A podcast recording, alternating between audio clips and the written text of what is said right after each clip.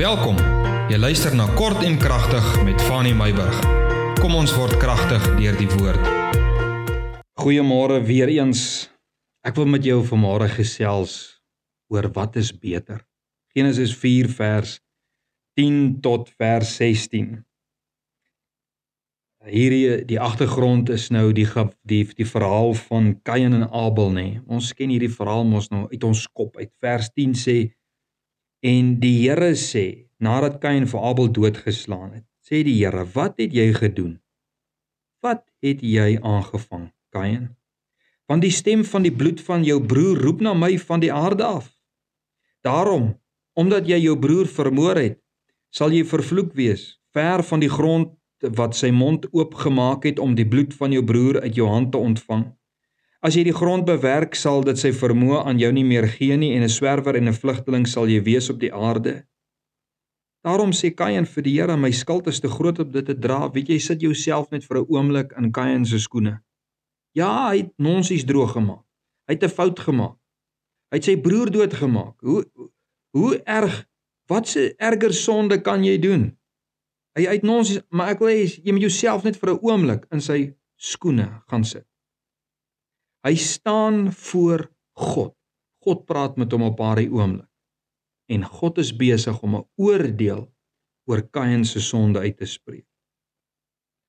Kain sê vir die Here, hy sê my skuld is te groot om dit te dra.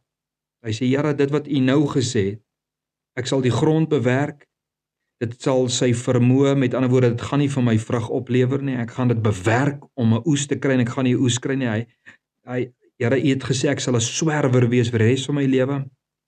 Ek sal 'n vrug vlugteling op hierdie aarde sal ek wees. Hy sê Here, my skuld is te groot om dit te dra. Hierdie oordeel wat U oor my uitspreek is te swaar. Kyk, U verdryf my nou uit die land uit en ek moet my verberg vir U aangesig. Hy sê met ander woorde, ek moet altyd weghardloop van U af. Want dit voel so vir my as U my kry, gaan U my tot dood veroordeel. Hy sê 'n swerwer en 'n vlugteling sal ek op die aarde wees en elkeen wat my kry sal my wil doodslaan. Sit jouself 'n bietjie vir 'n oomblik in Kain se skoene. My vraag is vanmôre, wat is beter? Wat bedoel ek? Wat is beter? Is dit beter om te sterf in die guns en die vrede van die Here of om te lewe onder die wraak van God? Wat sou jy kies? Wat sou jy gesê het?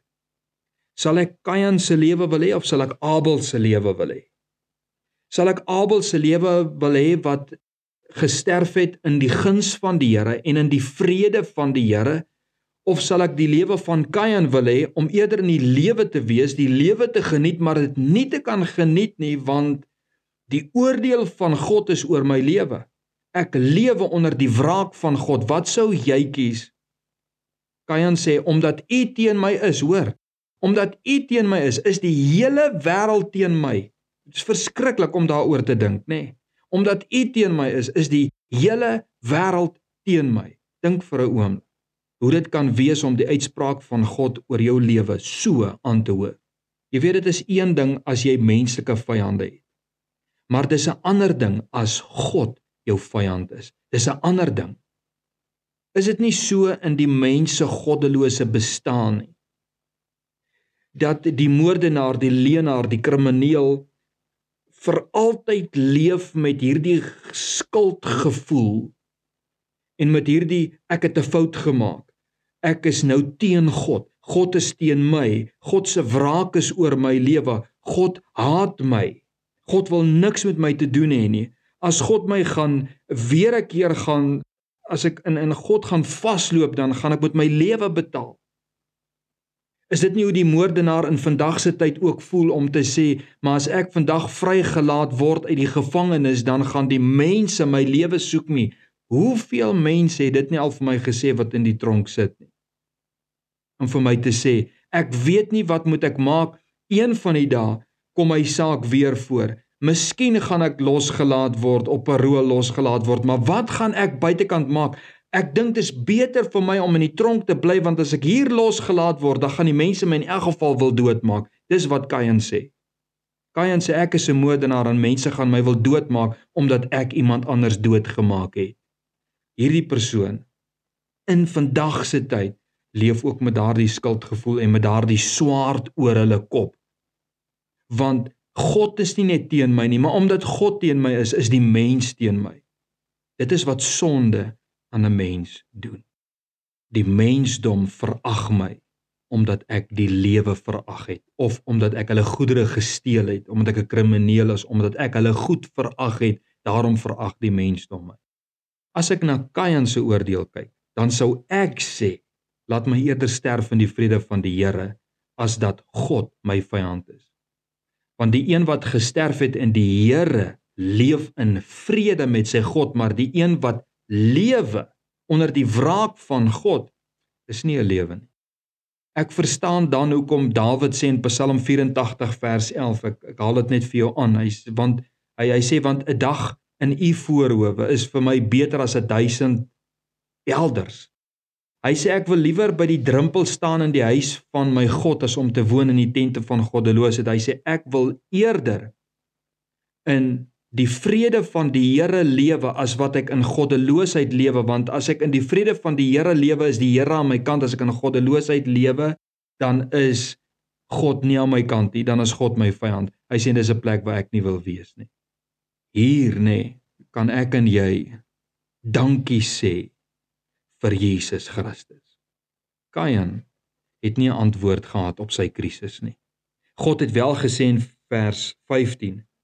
Hy sê as enige iemand Kain doodslaan, sal dit sewevoudig gewreek word en die Here het 'n teken gegee, weet laat hulle Kain nou nie kon doodmaak nie. Maar Kain het nie 'n antwoord gehad vir sy sielstoestand nie. Die Here het net gesê, met ander woorde, ek vat nie jou skuldgevoel weg nie. Ek vergewe nie jou sonde nie, maar jy gaan lewe onder my oordeel en jy gaan lewe onder my wraak. Ek gaan net maak dat die mens jou nie mag doodmaak nie. Verskriklik. Maar hier kan ek en jy dankie sê vir Jesus Christus want Jesus Christus het dit vir ons moontlik gemaak om al het ons gesonde, al het ons moord gepleeg, al het ons gesteel, gebelieg, dat ons in terugkeer na hom, na Jesus en in sonde vergifnis te gaan, het ons rus in die Here. Is dit nie wonderlik nie? Het ons rus in die Here. Die Here vat die skuldgevoel. Hy vat daardie skuldbrief wat teen ons uitgereik was. Wat teen Kain uitgereik was. Kain, jy sal in elende van nou af lewe jou hele lewe lank toe Jesus Christus kom het Jesus Christus daardie skuldbrief gevat en deur die bloed aan die kruis daardie skuldbrief totaal en al uitgewis sodat ek en jy terwyl ons op hierdie aarde is in die rus van die Here kan wees. Vir Kain was daar nie 'n oplossing nie. Vir my en vir jou is daar Jesus Christus. Dis hoekom Paulus sê Galasiërs 2. Hy sê ek is met Christus gekruisig en nou lewe ek nie meer nie. Ek is dood vir die sonde. Die lewe wat ek nou lewe is nie vir die sonde nie en ook nie onder die veroordeling van Kain nie, van die wet nie, maar ek lewe deur die geloof in die seun van God. Dankie vir Jesus Christus. Vir jou wat onder skuldgevoel bly. Vir jou wat sê ek lewe onder die wraak van God want kyk wat is al die foute in my lewe wat ek gemaak het, al die sondes wat ek gedoen het in die tronk waar ek sit, in die vervolging waar ek is in Jesus is jy vry. En jy kan daardie vrede belewe terwyl jy hier op aarde lewe. Jy het nie nodig om te sterf, 'n ewige dood te sterf om dan die vrede van die Here te kan belewe nie. Hier op aarde kan jy. Hoekom? Want Jesus Christus het dit vir jou moontlik gemaak. Is dit nie kosbaar nie? Dis wonderlik. Mag die Here jou seën. Môre wil ek met jou gesels oor God kom altyd terug. Seën tot môre.